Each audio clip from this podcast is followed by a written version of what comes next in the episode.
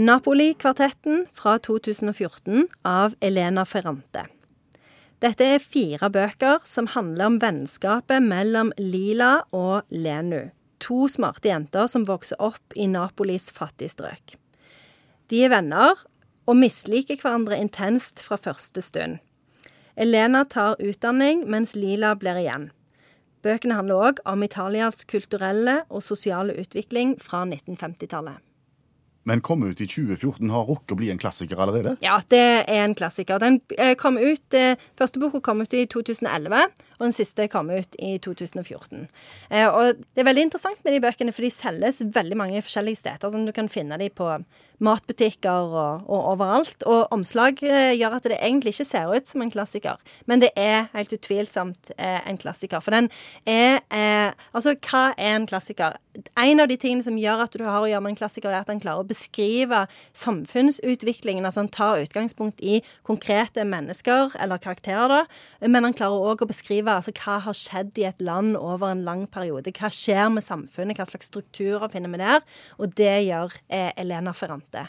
Og så er det jo òg en, en, en litt sånn pirrende ting med disse bøkene, og det er at Elena Ferrante er jo et pseudonym. Så vi vet egentlig ikke helt hvem det er som har skrevet disse bøkene.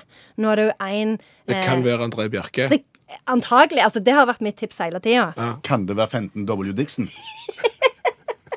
Eller Carolyn Keane. Antagelig er det det. Men det er en sånn amerikaner som mener at det er en sånn ei, ei, sånn ei forlagsdame i Italia som har gjort det. Men altså Alt på, peker mot Fenton. Han hadde guttene. ja. Men hadde jeg sett ei bok som sto i butikken og som het Napoli-kvartetten, så hadde jo ikke jeg trodd heller det var en klassiker. Jeg hadde jo tenkt at det var en liten sånn en uh, kiosklitterær bok om uh, fire musikere som reiste rundt og, og, spilte til dans i en by der mafiaen styrte og, og politikerne ikke klarte å rydde opp søppel etter de. Ja, og det handler òg om det. det. Så det er helt riktig. Uh, så jeg tenker at dette er ei bok som, som, som kan passe for alle som syns at det er interessant å lese om Italia sin historie, rett og slett. For det er jo masse om disse mafiaene, og hvor liksom vokser opp i et fattig strøk, eh, hvor ingen har utdanning, og så blir du den første som liksom går på skole mer enn til andre klasse. Og jeg tror det, det er mye som, som, folk kan kjenne seg igjen i, i hvert fall i Sandnes. Altså Bare å kjøre på. Er det lov å si at jeg føler at dette er ei damebok? Ja, men det er ikke det, skjønner du. Eh, fordi at eh, dette er jo mennesker, da. Så OK, de har jo mensen og sånn. Men eh, det er ikke så mye om det. Har du et sitat? Jeg har et sitat. Du har vel sett hvor stygge folk er når de våkner. Helt deformerte og uten blikk. Det sa Robbie Williams òg. Early morning when I wake up, I look like Kiss, but without the makeup. Det er mulig hun er inspirert av ja, Robbie Williams. Ja, det, det, Kanskje hun satt og hørte på han når hun skrev på sånne øreklokker. Vil du oppsummere kvartetten for oss? Eh, kvartetten, Napoli-kvartetten, mest kjent for 'Jeg går og rusler i Milano'. Eh, det er jo den mest kjente sangen de eh, ga ut, i tillegg til de fire bøkene om Lila og Elena.